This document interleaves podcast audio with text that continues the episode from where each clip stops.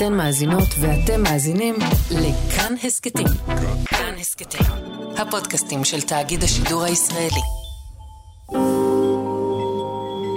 ישראל נגד יהודה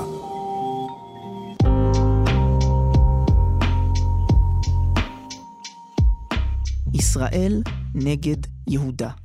אנחנו נמצאים בימים סוערים, ונראה שהקיטוב נמצא סביבנו כמעט בכל תחום. וזה גרם לנו לעצור ולחשוב. האם אנחנו נמצאים ברגע האחד הזה, שבו הכל יכול באמת להתפרק? אחרי 75 שנות עצמאות, יכול להיות שזה נגמר? אולי אנחנו באמת לא יכולים לחיות יחד? ואם כך הוא הדבר, איך כן נחיה? האם נתפצל לשני חלקים, לישראל ויהודה? איך זה ייראה? האם זה באמת מה שאנחנו רוצים? האם זאת אוטופיה או דיסטופיה? אנחנו בכאן תרבות יצאנו לבדוק את הנושא הזה מהיבטים שונים, ודיברנו עם כל מיני אנשים בפרויקט מיוחד, ישראל נגד יהודה. גואל פינטו יעסוק באופן שבו הרעיון הזה מיוצג בתרבות. אלעד ברנוי ינסה להבין איך זה יקרה בפועל, אם זה יקרה. אלי ביטן יחקור את הזווית החרדית, ומאיה סלע ויובל אביבי ינסו להבין האם זאת תהיה דיסטופיה או אוטופיה. אני נדב אלפרין, ובשעה הקרובה אנסה להבין ביחד עם פרופסור ישראל קנול את השורשים ההיסטוריים של הפיצול הזה. איתי ישת וקורל קייקו וטל ניסן על ההפקה, עורכי יום השידורים הם מאיה סלע ויובל אביבי, על הביצוע הטכני נדב ניר. כל פרקי ההסכת זמינים להאזנה באתר ובאפליקציה של כאן ובכל יישומוני ההסכתים. ישראל נגד יהודה פרופסור ישראל קנול, אתה היית מופקד על הקתדרה למקרא על שם יחזקאל קויפמן באוניברסיטה העברית, חוקר המקרא המפורסם, ואתה גם חוקר במכון שלום ארטמן. קודם כל, תודה שאתה כאן איתי. שמחה. אני מארח אותך מפני שמצודתך פרוסה כל הדרך שמראשית הסיפור העברי, המקראי הקדום ביותר, ועד בעצם לחורבן בית שני, ואף למעלה מזה אני אומר. ואני חושב שהמסע שלנו, בעקבות המושגים האלה, יהודה וישראל, שמבקש לרדת לשורשיהם, צריך להתחיל משאלה פשוטה. המושגים יהודה וישראל, אני חושב, הם יושבים על הלשון גם למי שלא ממש בא להיכרות איתם, ולכן הם עולים מעליהם בדיוק בזמן הזה. אבל קודם כל, מה זה יהודה וישראל? מה זו החלוקה הזו? אז uh, נתחיל בישראל. Uh, ישראל uh, זה שם שאנחנו מכירים אותו מחוץ למקרא, בפעם הראשונה במצבת מרנפתח. מרנפתח, uh, פרעה ששלט בסוף המאה ה-13 לפני הספירה, זה קצת כמו הסיפור עם המלכה אליזבת. היה מלך בשם רעמסס השני, שהוא אולי הפרעה המשעבד, שהקים עיר בירה חדשה וקרא אותה פי רעמסס, בית רעמסס, והוא מלך המון שנים ונפטר בגיל מופלג. וכאשר הוא נפטר והלך לעולמו, ב-1213 לפני הספירה, מי שירש אותו זה בנו ה-11, העשרה הראשונים כבר נפטרו בחיי אביהם, ואז עלה לשלטון אה, בגיל 60 ברומר נפתח, ומלך בעצמו כעשר שנים, ואז נפטר. וזו הייתה תקופה סוערת, והיו כל מיני פלישות, משבר אקלימי חריף מאוד. רעב גדול, וכולם באו מכל הצדדים למצרים לנסות להשתלט על אוצרות המזון שלה. ומרנפתח אה, מספר באסטלה, בכתובת, אה, במצבה שהוא הקים, אה, כיצד הוא הדף את הפולשים שרצו להשתלט על מצרים. זו קואליציה מוזרה של גויי הים ושבטים מלוב. אני לא יודע באיזה שפה הם יכלו, הפולשים האלו, לתקשר. פלש... שפת המלחמה כנראה כן, עולה על שפות אחרות. נכון. ופלשו למצרים מן המערב, והוא הדף אותם, וזה בעצם התוכן העיקרי של האסטלה. בסוף בסוף, הוא מוסיף כקינוח, והוא אומר, שגם הוא נלחם בכנען, ונלחם כנגד שלוש ערים, אשקלון, גזר וינועם, ינועם כנראה באזור הכנרת, יש ויכוח על המיקום המדויק, ויש אה, סימון מגדיר של שמות ערים, במצרית יש מגדירים, ואחרי שלושת הערים האלו הוא אומר גם, ישראל עבד, שמם, אין לו זרע. וזו הפעם הראשונה שאנחנו מופיעים בהיסטוריה, השם ישראל כשם של קבוצה, היא לא מתוארת כעיר, אלא קבוצה שבטית, קבוצה שבטית שהוא טוען שהוא השמיד אותה. אה, זה בערך ב-1210 לפני הספירה. קודם כל, אנחנו יכולים לומר שהתקווה שהשם ישראל יימחה, כן. זו, זו, זו תעודה שנתבדתה. כן, אז, אבל זה מרתק שהמופע הראשון שלנו כעם, זה, זה, זה באמת גם ב... ב אה, בסיפור בספר שמות הוא זה שמכנה את ישראל כעם לראשונה, הוא אומר, אין עם בני ישראל רב ועצום ממנו, כן? אז, אז זה השם ישראל. מה פירוש השם ישראל? אה, אז המקרא מפרש את זה בהקשר של מלחמתו של יעקב עם המלאך, כי שרית עם... עם אלוהים ועם אנשים ותוכל. ותוכל. אבל כפי שהעירו כבר חוקרים, זה לא כל כך משכנע. כי שמות עם סיומת אל הם שמות שהנושא של ה... זה, זה משפ... מעין משפט קצר, שהנושא הוא האל, כן? יחזקאל למשל. מה זה יחזקאל? האל יחזק. רפאל, האל ירפא. אז אה, ישראל זה כנראה איזה היגד על האל, אולי מציעים, ונשמע בכלל לא רע, יסור אל, כלומר האל יהיה שליט, יהיה מלך. ישתרר, מלשון שררה. מלשון שררה, כן, זה כמו אדוני ימלוך לעולם ועד.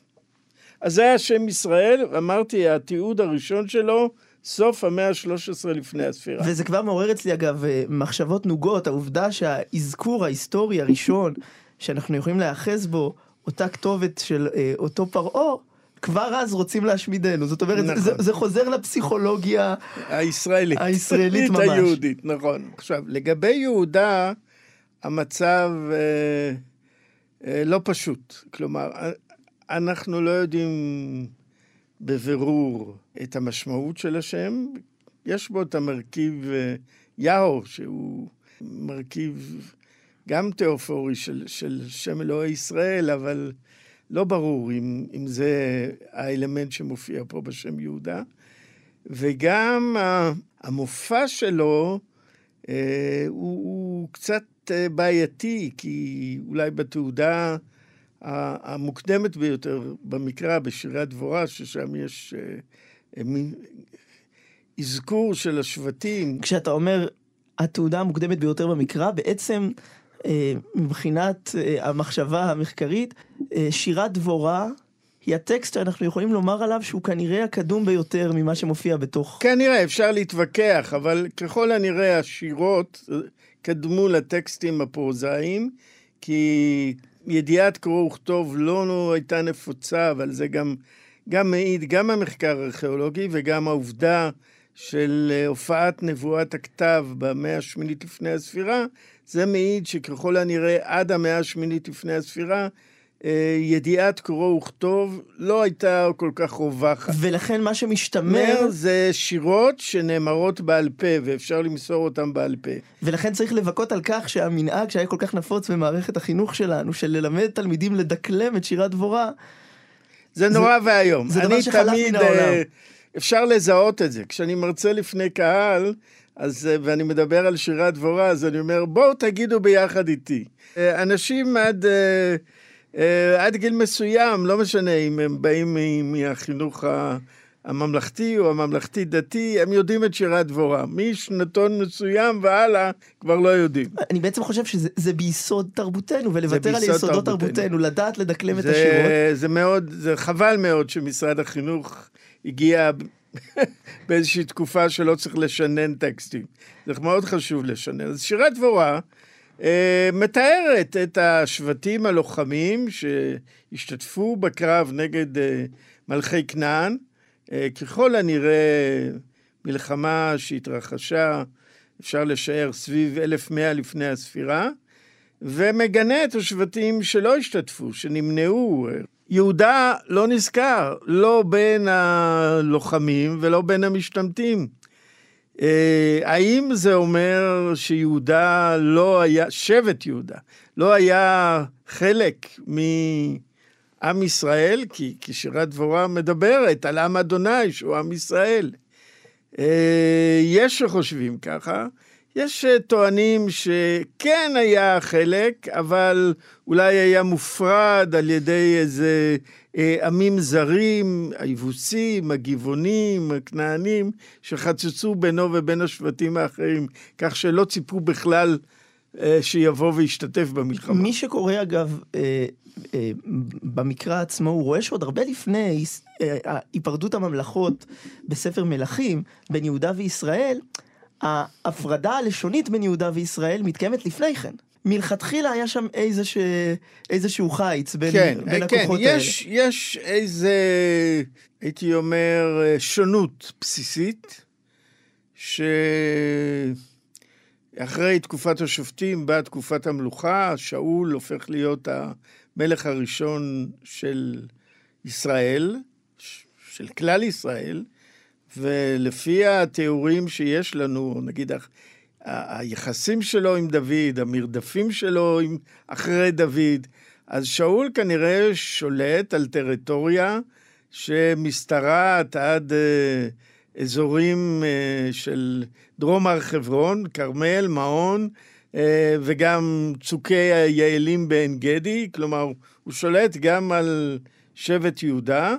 וכנראה הגבול הצפוני של הטריטוריה שלו הוא בהר הגלבוע, ששם הוא נלחם אה, את מלחמתו ההירואית האחרונה נגד הפלישתים. זאת אומרת, בעצם, אה, אם מתווכחים על ממלכה מאוחדת בזמן דוד ושלמה, ארכיאולוגים והיסטור, והיסטוריונים, זאת אומרת, הם, טוע- הם טועים האם בכלל התקיימה אי כן, פעם כן. ממלכה מאוחדת, האם היינו מאוחדים כן, מתישהו אז, בזמן. אז אני אומר, רגע, מה עם שאול? אתם אה, מקבלים את שאול כמלך היסטורי, מקבלים, למרות שאין עדויות חיצוניות. והוא שלט גם על השטח של יהודה וגם על שטח נכבד, שאחר כך הוא שטח של ישראל. הוא, הוא מתחיל את המאבק שלו לעצמאות אחרי אה, תקופה מאוד פרובלמטית, שבה הפלישתים משתלטים בשלהי תקופת השופטים.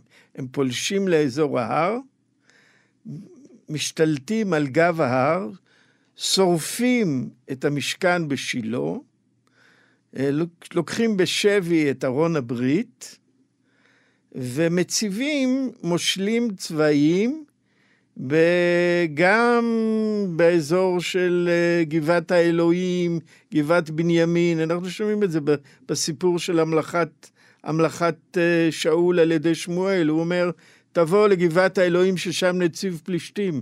אבל יש גם נציב פלישתים בבית לחם. זה הדבר שדוחף את הקמת הממלכה, המעבר משיטת השופטים לשיטת הממלכה. בני ישראל מבקשים מלך שינהיג אותם ככל הגויים. מה זאת אומרת ינהיג אותם ככל הגויים? הוא יהיה מלך, הוא ייקח מיסים, מכספי המיסים שהוא לוקח, הוא יכול לבנות צבא קבע. ללחום מלחמות. אגב, זה, זה, אני חושב עד שהיה מאוד מאוחר אה, בהיסטוריה של אירופה, מלך נמדד ביכולתו כן. ללחום מלחמות. נכון, מל- אבל- אבל המלכים זה- האנגליים, כן, זה לא רק הכישרון הצבאי שיש לשאול, הוא יכול, בכספי המיסים שהוא יגבה מכולנו, לשלם לקבוצה של אנשים שיפסיקו להיות חקלאים שמאבדים את השדות. ויהיו חיילים בצבא הקבע של, של מדינת שאול, וזה מה ששאול עושה, זה כתוב בפסוקים. אז אנחנו מתקרבים בעצם, אני חושב, לרגע שבו נוכל לגעת באמת בפירוד הגדול, בהפרד... בקריאת אני, הממלכות. אני רוצה אבל אה, אה, ללכת אה, לרגע אה, שבו מת שאול. כי המוות של שאול מראה שהממלכה המאוחדת שלו אה, בעצם איחדה שתי קבוצות, שיש ביניהן מתח ועוינות. כי כששאול מת, מתהווה פילוג. יהודה הולך עם דוד, שהבירה שם מחברון, ממליכים את דוד על יהודה בחברון, והנאמנים, שבטי הצפון, שנאמנים לשאול, ממליכים את תשבושת. בן שאול. שזו כבר ממלכת ישראל. שזה ממלכת ישראל. אז רק אחרי מלחמה של כמה שנים, אחרי שדוד מנצח בכוח החרב את בית שאול, אז באים כל שבטי ישראל אל דוד לחברון, ומבקשים ממנו להיות מלך עליהם. אבל זה רופס מאוד, וזה רופף מאוד. כל פעם שיהיה איזשהו מרד, שבע בן בכרי, או כל מיני מורדים, הם יבואו ויצעקו. אין לנו חלק בדוד. בבן ולא, ישי. ולא נחלה בבן ישי, איש לא עליך ישראל. מה אנחנו עם היהודים האלה? היהודים האלה, היהודאים האלה. אני רוצה רגע לחזור אחורה אה, בזמן הרבה מאוד. קודם כל, אה, לומר ש, שבספריך, כן. אה, ש, שהיו לרבי מכר, שמבקשים בעצם לקחת את העולם המחקרי ל, לשפה אה, ש, שהיא יותר נגישה, אם נשתמש במילה הזאת, ולספר את הסיפור על הגנטיקה, כפי שאתה מכנה זאת, של עם ישראל. ואתה בעצם טוען שמה שאנחנו רואים היום בתודעתנו כעם ישראל, הוא מורכב מראשיתו, אה, מ, אה, לכל הפחות, שלוש קבוצות שנתאחדו אה, יחד, בתוכן כנענים, ומי שהיו במצרים, הכהונה והלוויה, לשון לוויים, שהיו במצרים והגיעו ממצרים לארץ ישראל. מראשיתנו, אנחנו לחלוטין בעלי יסודות שונים. זאת אומרת, כן. התפיסה הזאת, אולי איזו אשליה שיש בה, בתודעה שלנו, שאנחנו עם ישראל המאוחד, ונתפרדנו, הרי מלכתחילה לא היינו אה, אחד במובן של אחידות, אולי במובן שלו זו אחדות פוליטית, אה, אחדות רוחנית מסוימת, אבל, אבל אחידות לא הייתה שם. לא, לא, יש מורכבות, ורואים את המורכבות הזאת גם כשעוקבים, נגיד, אחרי הפולחן, אז יש השפעות מאוד רציניות שבאות מהצפון, מהאזור אה, של אנטוליה וצפון סוריה, כל מיני דברים כמו השימוש המובהק בדם כחומר ניקוי וחיטוי, שאנחנו זוכרים את זה מטקס עבודת יום הכיפורים, שהוא הטקס המקודש ביותר בשנה. מזים שם את הדם לכל עבר. נכון, נכון, נכון. וכך היה מונה אחת, אחת ואחת. מזים ומטהרים בדם. זה משהו שהמקבילה היחידה שלו היא בטקסטים חיתיים וחוריים, אה, אנטוליה וצפון סוריה. אה, ועוד כל מיני דברים מאוד אה, חשובים בתוך הפולחן המקראי, גם השילוח של השעיר, יש לו הקבלות בטקסטים האלו. אז ברור שמשהו שם, האזור הזה של חרן, חרן נמצאת באזורים האלה. כלומר, אברהם בתרמיל שלו הביא כל מיני דברים מחרן. ומצד שני, יש לנו כל מיני דברים שבאים מאזורים אחרים. אז יש כאן איזה, אה, הייתי אומר, תרבות שבבסיסה הראשוני אה, היא תרכובת של כל מיני דברים.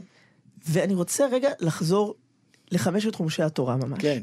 ביחסים בין יהודה וישראל. בספר בראשית, אתה רואה שיהודה מתבלט מבין האחים, זה בולט במיוחד בסיפור מכירת יוסף, ששם יהודה, אף על פי שהוא לא הבכור, ישנו הבכור ראובן, הוא לוקח לעצמו בכורה מבחינת התפקיד המנהיגותי נכון, שהוא נכון. משמש בסיפור הזה. כן. אז, אז סיפור יוסף, בעצם במרכז שלו, כפי שאתה אומר נכון, עומדים שני אחים, יוסף מצד אחד ויהודה מהצד השני, וזה בדיוק ה...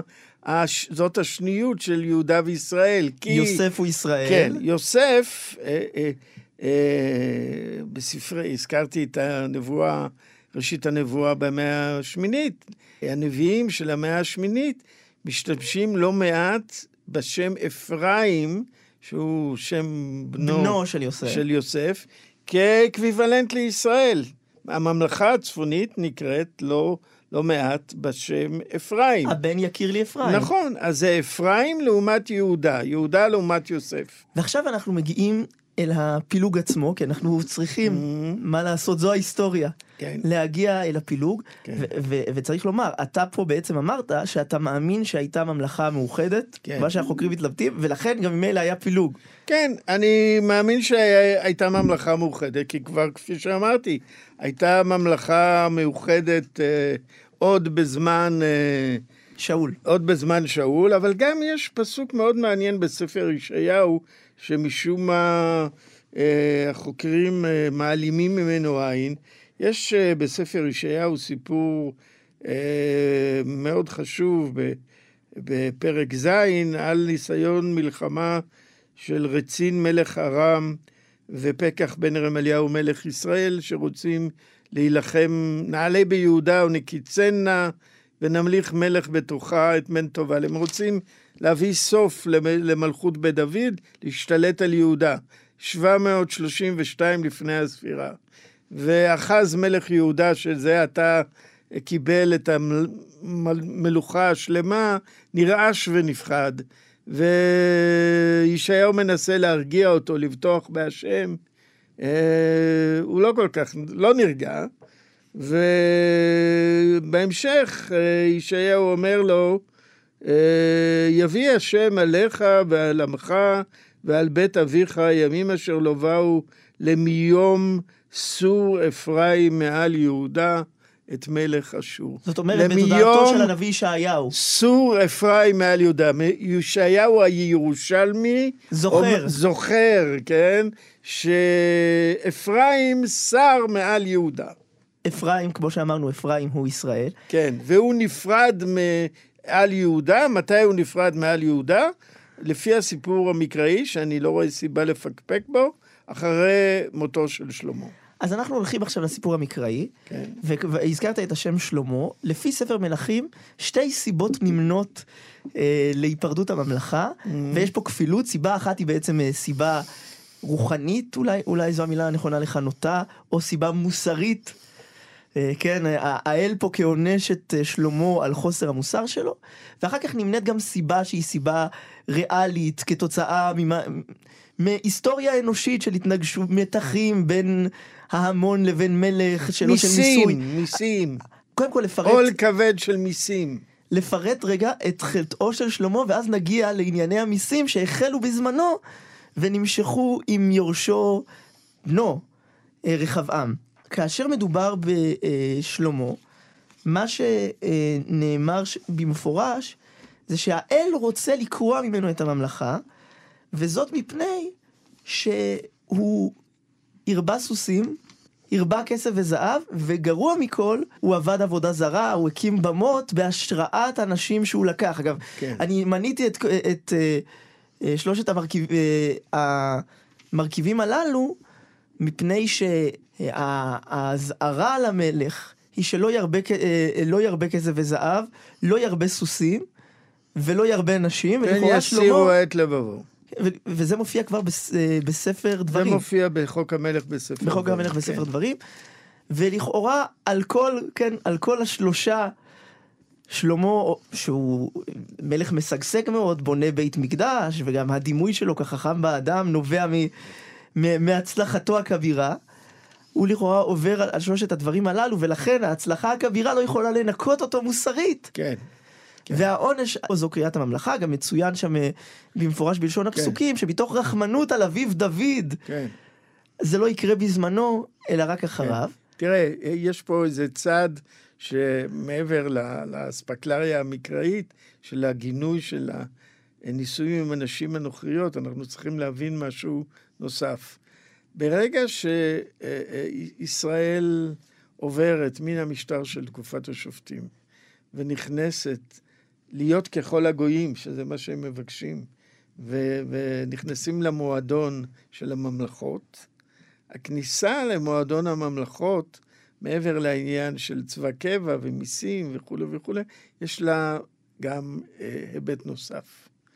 היחסים הדיפלומטיים במזרח התיכון, ואת זה אנחנו לומדים אה, בין השאר מתעודות אל-אמרנה, שהן תעודות שהתגלו במצרים מהמאה ה-14 לפני הספירה, היו במידה רבה בנויים על נישואים פוליטיים בין בתי המ- הממלכות.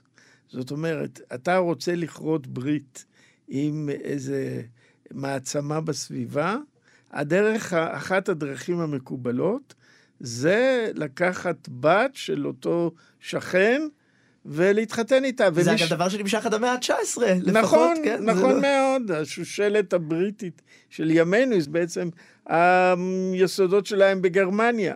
מי שעושה את זה ראשון זה כבר דוד.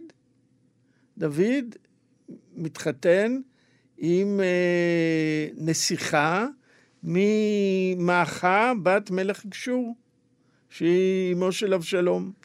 וזו ממלכה קטנה באזור מצפון לכנרת. ושלמה, הכלה החשובה, היא בת פרעה, כלומר המעצמה הגדולה. אז בעצם אה, אני רוצה קצת אה, איכשהו ללמד סנגוריה באופן מסוים. הנישואים האלה... ריבוי אנשים זה ריבוי בריתות פוליטיות. זה, זה, יש לו אספקט פוליטי. עכשיו, השאלה אם אתה לומד ממנה או לא לומד ממנה, מאפשר לה לקיים את הפולחן שלה בירושלים או לא, זה שאלות עדינות. ואחר שציינו, והנה סוף סוף נפתח לי העמוד הנכון, שממש נאמר לשלמה, ש... אמ, ולא שמרת בריתי וחוקתי, אפשר לראות פה עידוד לחוקת המלך מספר דברים. אבל אם אנחנו נלך אל התיאור שמופיע אה, ממש מעט אחר כך, אנחנו נמצאים פה בפרק י"א של ספר מלכים, בפרק י"ב כבר הממלכה מתפרקת, וניתן לנו הסבר שהוא הסבר שעולה, כן, מתוך ה- ה- הפ- הפוליטיקה, מתוך החברה ביהודה ובישראל. זה בעצם מרד מיסים של ירבעם בן נבט, שניסה כבר למ- למרוד בשלמה. כי אנחנו רואים שבממלכת שלמה הוטלו מיסים גדולים על ישראל כדי לממן את הפרויקט. מפעלי הבנייה, המקדש. הארמון, כן. לא הוטלו מיסים על יהודה, או אי אפשר לדעת אם הוטלו לגמרי מיסים על כנראה יהודה. שעול המיסים, וזה שוב אה, עניין שאדם קרוב אצל עצמו ואל בני שבטו, עול המיסים על ישראל כנראה היה הרבה יותר משמעותי מאשר זה שהוטל על יהודה. מרד על מיסים זה דבר שאנחנו כן. יודעים שקורה, איך, איך, נפר, איך נפרד, אה, נפרדו הקולוניות ביבשת אמריקה מהמלוכה הבריטית, מהמלך ג'ורג' השלישי. נכון. מרד מיסים, מרד בסוף מיסים, מזה, מזה זה נכון. התחיל. מסיבת התה של בוסטון. אני רוצה לנסות רגע לחשוב על משהו על החיבור הזה.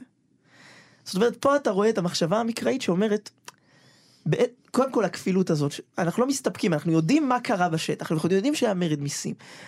אבל אנחנו גם נמצא סיבה רוחנית, תיאולוגית, זה ודאי. אני רוצה לומר עוד משהו.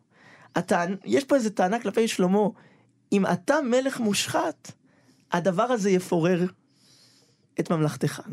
זאת אומרת, גם מרד המיסים הוא קשור בך, גם אם הוא לא בזמנך, או הוא כן. יצ... יצליח אחר זמנך. כן. כן, זה נכון. ו, ומיד אחרי זה אה, מופיע אספקט נוסף שיפלג פילוג דתי את יהודה וישראל מכאן ולהבא, וזה עניין העגלים. או, ירבעם בן נבט, השליט החדש, זה שהוביל את המרד כן, של, אה, כן. של ישראל, הדבר- הראשון שהוא עושה, זה להקים עגלי זהב. עכשיו, מבח- מבחינת המחשבה שלנו, כמי שגדלים על, על מושגים אה, יהודיים, ישראליים, עגל זהב. בקושי הצלחנו למחות את הכתם הזה של עגל הזהב מספר שמות, ועכשיו אתה מחזיר לנו אותו בספר מלכים? אז זה לא כל כך נורא. למה לא כל כך נורא? אני, אני אגיד לך מה שאומר כבר רבי יהודה הלוי בספר הכוזרי. הוא אומר, הנה, תשמעו, העגל, הרי גם אהרון, כשהוא בונה את העגל בסיפור של התורה, הוא אומר חג לאדוני מחר. זאת אומרת, העגל הוא סמל שמשמש בעבודה דרך העגל אתה מגיע... נכון, מה, מה, מה, הוא, מה הדימוי? הדימוי הוא שהאל יושב או עומד על העגל.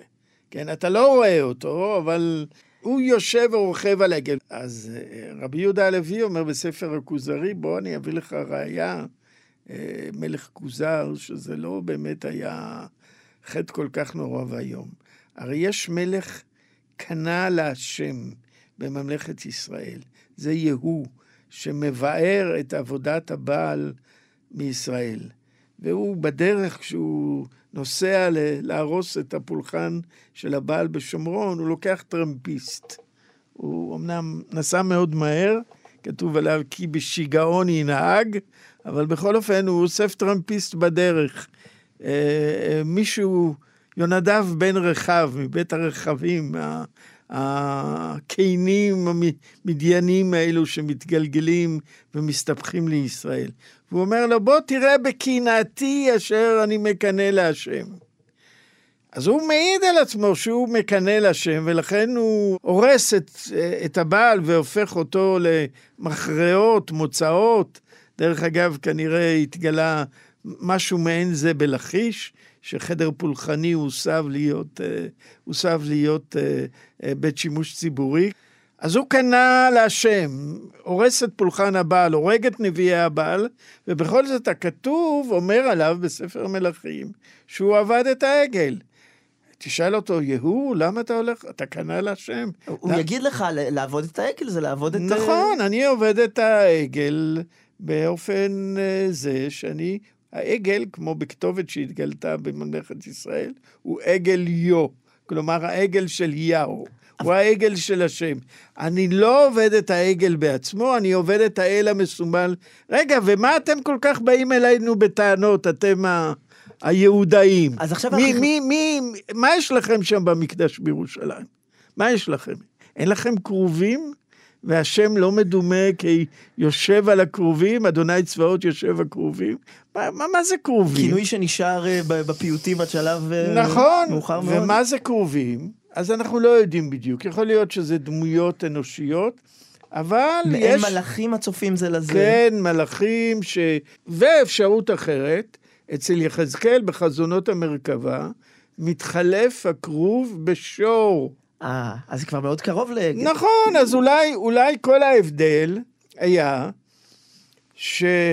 שבישראל היה דמויות, דמות של עגל מחונף, אה, סליחה, עגל רגיל, וביהודה... הוא אה, היה מחונף. העניקו אז איך כנפיים. אתה רוצה את העגל שלך? עם כנפיים או בלי כנפיים? זה כמעט כ- שאלה במסעדה. כן. שורה תחתונה, שההבדל הפולחני הזה לא היה הבדל כל כך מסעיר ומזעזע. בשני המקדשים, גם בבית אל וגם בירושלים, האל דומיין כיושב על גבי חיה. אז אולי לטעם היהודאי היותר ענין. מעודן וענין מבחינה תיאולוגית, זה שהאל יישב על, על חיה שיוש... עגל אוכל עשב, כמו שנאמר באחד מזמורי התהילים, אה, זה לא מריח טוב. אם זו חיה מיתולוגית, אז אנחנו מבינים שזה יותר מעודן. אבל אני כן רוצה, גם אם ההבדל הוא דק מי ש... שאפשר היה לחשוב, לנסות להבין את ההבדל. כי בכל זאת, ישנו העגל ההוא, שהמקרא דוחה אותו מכל וכל. זאת אומרת, אולי יהודה משמרים מסורת טהרנית יותר. התפתחה דווקא בממלכת הצפון, לקראת סופה, מסורת ש... שדחתה את העגל. מי שתוקף את העגל בחריפות מאוד גדולה, זה הנביא הושע. במילים חריפות. ומדוע? כי הוא חושב שנוצרת איזו החלפה.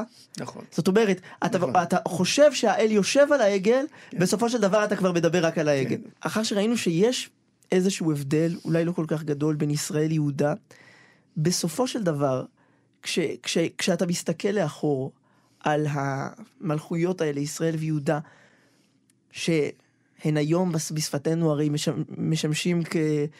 אה, ככלי לומר, יש הבדלים עמוקים, אנחנו איננו אותו דבר. אפשר לצייר הבדלים כאלה כל כך בולטים? תראה, הבדל אחד שהוא משתקף באופן מאוד מעניין בסוף ימי בית שני, קשור ללוח השנה. השאלה היא, מתי מתחילה השנה? יש לנו מחלוקת בתוך התורה בעצמה, מתי מתחילה השנה. האם בניסן? האם בניסן, שזו החודש התפיסה הזה הכהנית. לכם ראש חודשים. שמות, אה, כן, שמות י"ב, החודש הזה לכם, ראש חודשים. ראשון הוא לכם בחודשי השנה. בעשור לחודש תיקחו את הפסח וכולי וכולי. לעומת זאת, באותו ספר, ספר שמות, בהמשך, כתוב על חג האסיף, גם בשמות כ"ד וגם בשמות ל"ד. בחודש תשרי, תחילת השנה. בתקופה. בצאת השנה או בתקופת השנה. כלומר, השנה יוצאת ושנה מתחילה חדשה בחג האסיף שהוא חג הסוכות, שזה תשרי. עכשיו, זה ויכוח מאוד מאוד עתיק. זה ויכוח שקיים, הוא נובע מהשאלה איך אתה תופס את השנה החקלאית. האם ההתחלה היא בזמן הפריחה של האביב, או ההתחלה היא בזמן ש, שזורעים את היבול החדש. בסתיו. מאוחר יותר זה יצר אה, אה, מחלוקת של, של מחשבת ישראל, שבעצם אומרת, יש פה הבדל בין השאלה האם אנחנו סופרים את השנה על פי הסיפור שלנו, כלומר חודש ניסן כחודש יציאת מצרים. כן. או שאנחנו סופרים אותה על פי הטבע הכללי. נכון, ואז תשרי עם הגשם. עכשיו, מאוד מעניין, בסוף תקופת בית שני וראשית תקופת חז"ל, אנחנו רואים את ההבדל הזה משתקף בלוחות השנה של הקבוצות היהודיות השונות. בקומראן, אני בעצמי פרסמתי כמה תעודות לוח מקומראן יחד עם פרופסור טלמון המנוח, הם תמיד מתחילים בניסן. כי, כי הם קבוצה כהנית, והם חושבים את המחשבה הכהנית. ניסן הוא ראשית השנה. אבל הפרושים הם קבוצה יותר עממית, והיא הולכת דווקא עם המסורת, שהיא המסורת הצפונית. של, של ישראל. של ישראל, ששם התחילו את השנה ככל הנראה בתשרי. כך אה, כבר טען פרופסור תדמור, וזה כנראה הפ... ה... ה... המקור של החוקים האלה שמדברים על אה, חג האסיף. בדבריך, פרופסור קנול, כן. בעצם מת... אה, אה, מתח... מתחבאת, אני חושב, את האמיר... האמירה שגם אחר שנפרדנו, יהודה וישראל, ו... וישראל, וגם אחר שישראל גלו לפני יהודה, משהו מישראל בכל זאת נותר בנו. כן. יש, אומרת, ספ... יש ספר לא שלם של חוקר מקרא חשוב מאוד, אייצ'ל גינסברג, שנקרא, המ... אני מתרגם מאנגלית, המסורת הישראלית של היהדות. כלומר, אנחנו צריכים לזכור שלא דיברנו הרבה, כשאחז לא מקבל את המילים של ישעיהו, ולא בוטח בהשם, הוא מזמין את תגלת פילעשר מלך אשור להילחם ולהושיע אותו מידי אויביו. מי היו אויביו? רצין מלך ארם ופקח בן רמליהו מלך ישראל. זה ראשית המעורבות האשורית. האשורים הורסים את ארם, ובישראל הם מקצצים קיצוץ חמור. והמלחמה בין ישראל ליהודה באמצעות מלך גוי, נכון, מלך, מלך גוי. מלך אשור. זה בערך מה שיקרה בבית שני עם ההזמנה של רומי על ידי. האחים החשמונאיים. עכשיו, אשור בסופו של דבר תגלה ותכבוש ותספח את ממלכת ישראל כולה, כולל את שומרון, זה גלות אשור, והשיטה האשורית הייתה שיטת כור היתוך, שלחו אותך לכל קצוות הארץ. משם כבר לא תשוב. משם כבר לא תשוב. אבל, ככל הנראה, וזה הדבר שמתחבר למה שאמרת, קבוצה מאוד נכבדה של ישראלים, הרי איפה הגבול של ממלכת ישראל? בבית אל, כמה זה רחוק מירושלים. מיהרו וברחו מפני האשורים. פליטים שחזרו ליהודה. פליטים, ואז ירושלים, בתקופה מאוד קצרה, בזמן שלטונו של חזקיה, גדלה פי ארבע חמש. זה לא יכול להיות גידול טבעי, זה גידול של פליטים שכנראה רובם ישראלים שבאים מהצפון, והם מביאים איתם את ספר עמוס, ואת ספר הושע, וחלקים מתהילים. וכולי וכולי. ולכן תפיסתנו את עצמנו כיהודים היא לא מנותקת לגמרי מהישראליות. מהישראליות. זאת אומרת, אנחנו בעצם, כל אחד מאיתנו, אם היה אפשר לחזור אחורנית, לא מעט מאיתנו, בעצם השורשים העתיקים שלהם הם בממלכת ישראל. וזה מוביל אותי, אני חושב, למה שאני רוצה שיהיה האקורד המסיים של השיחה הזאת, הישורת האחרונה שלה. האם אתה רואה בין האסון הזה, של היפרדות הממלכה בין ישראל ליהודה איזשהו קו דמיון למה שיקרה אחר כך בתוך יהודה עצמה, הסכסוכים הפנימיים שיבלטו כל כך בבית שני בין הכיתות השונות. יש פה בעיניך אה, איזשהו עיקרון היסטורי החוזר על עצמו? כן, זה, זה, זה בפירוש כך, כי אשור הוזמנה על ידי אחז להתערב בסכסוך של ישראל ויהודה. וזה תחילת המעורבות של, של אשור, שבסופו של דבר הביאה להרס ואובדן של כל ממלכת ישראל. ובבית שני, אה, האחים החשמונאיים, הורקנוס ואריסטובלוס, שרבים על ירושתה של המלכה שלום ציון, הם אלה שמזמינים את הרומאים להתערב, ומכאן מתחולל בעצם הכיבוש. מרגע שנכנסה רומי לא יצאנו נכון. ממנה.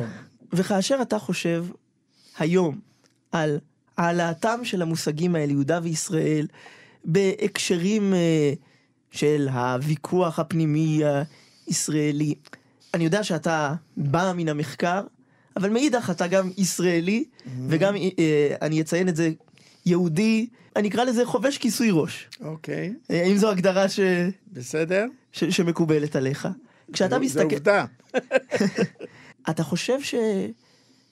שאפשר בכלל לדבר על המציאות עכשיו, של מה שרבים מכנים אותו בית שלישי, מתוך דיבור על המושגים של יהודה וישראל אי אז בממלכות ההן? תראה, זה... אה, הדמיון הוא לא רב. כלומר, אה, זאת אומרת, אפילו מבחינה גיאוגרפית, אם אתה... כן, ההתחלה של גוש אמונים, אני בצעירותי אה, השתת, השתתפתי בדברים האלו, היום אני די רחוק פוליטית משם, אבל נוכחתי פיזית באספת היסוד של גוש אמונים ב, אה, בכפר עציון, וגם אחר כך ב- בתשעה באב, ב- בניסיון אה, של התנחלות בסבסטיה. מה זה ההתנחלות בסבסטיה? נסעתי לשם בג'יפ עם חנן פורת. אני, אני, זה חלק מההיסטוריה שלי. אני, אני לא שם היום, אבל זה חלק מההיסטוריה שלי. מה זה סבסטיה? סבסטיה זה שומרון. זה בעצם ה- ה- הדחף הראשוני של גוש אמונים היה להתיישב בשומרון. לאחד את הממלכה מחדש. אה, כן, זה היה, זה היה בעקבות מלחמת יום הכיפורים, והשאלה למה באה לנו כל ה... אה, אה, המשבר הזה של יום הכיפורים והפתרון שהוצע באספת הייסוד של גוש אמונים, כי הזנחנו את השומרון. זאת אומרת, הדחף הראשוני... שכחנו את האחות השנייה נכון, יחז... של הנביא נכון. יחזקאל. אז, אז זה קצת, אה, אה, הייתי אומר, בעייתי ליצור את הניגוד של יהודה וישראל היום, כאשר בעצם המוקד של המחנה הזה, שממנו לא מעט מהאנשים היום שהם נמצאים בימין, ואפילו בימין המאוד קיצוני באים, זה מוקד של רצון להתיישב בשומרון, ב- ב- ו- ו- במרכז ואת זה מכנים של ממלכת תקשורתית ממלכת ישראל. יהודה. כן. וכ- וכאילו, כן. אתה מבין?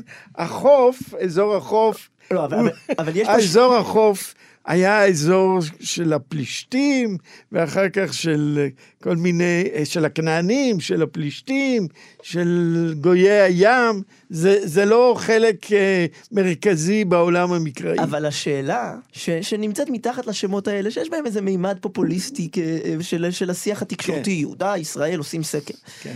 מי יודע מה זה יהודה וישראל, איך תראה יהודה, איך תראה ישראל, מה זה אומר, מה, מה החוקות, חוקת כן. המלך הזה וחוקת... אבל, אתה יודע, להיות חוקר מקרא זה במידה רבה להיות היסטוריון. כן. ש... שאומנם יש לו אה, תעודות פחות עשירות מלחוקר של ימי הביניים, אבל הוא, הוא עוסק בהיסטוריה. האם נגזר עלינו בהיסטוריה שלנו לשוב ולהתפרק? להתפלג. אה, אני מאוד מודאג ממה שמתרחש פה בחודשים האחרונים. אני חושב שזה אסון, ואני מאוד מקווה שבסופו של דבר, אני לא יודע איך, אה, אה, לא נגיע למקום הזה. אולי בזכות אה, זיכרון יהודה וישראל כן, של העבר. אולי, אולי. ואני רוצה לסיים עם שיר, ככה אני נוהג תמיד אה, בתוכניותיי, באש זרה.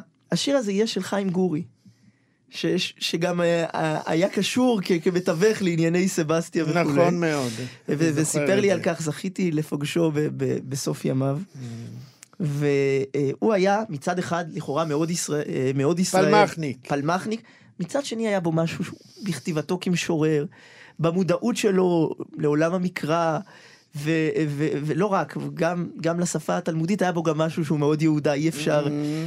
אה, ויש לו שיר מסוף ימיו, שאני חושב שנכון אה, לסיים איתו את השיחה הזאת. זה שיר שגם מזהיר אותנו, אבל גם מלמד עלינו. ואני רוצה מאוד להודות לך, אה, פרופסור ישראל קנואל, מן האוניברסיטה העברית, ממכון הרטמן. יורשה לי לומר, מגדולי חוקרי המקרא בדורנו ובכלל. עכשיו, חיים גורי.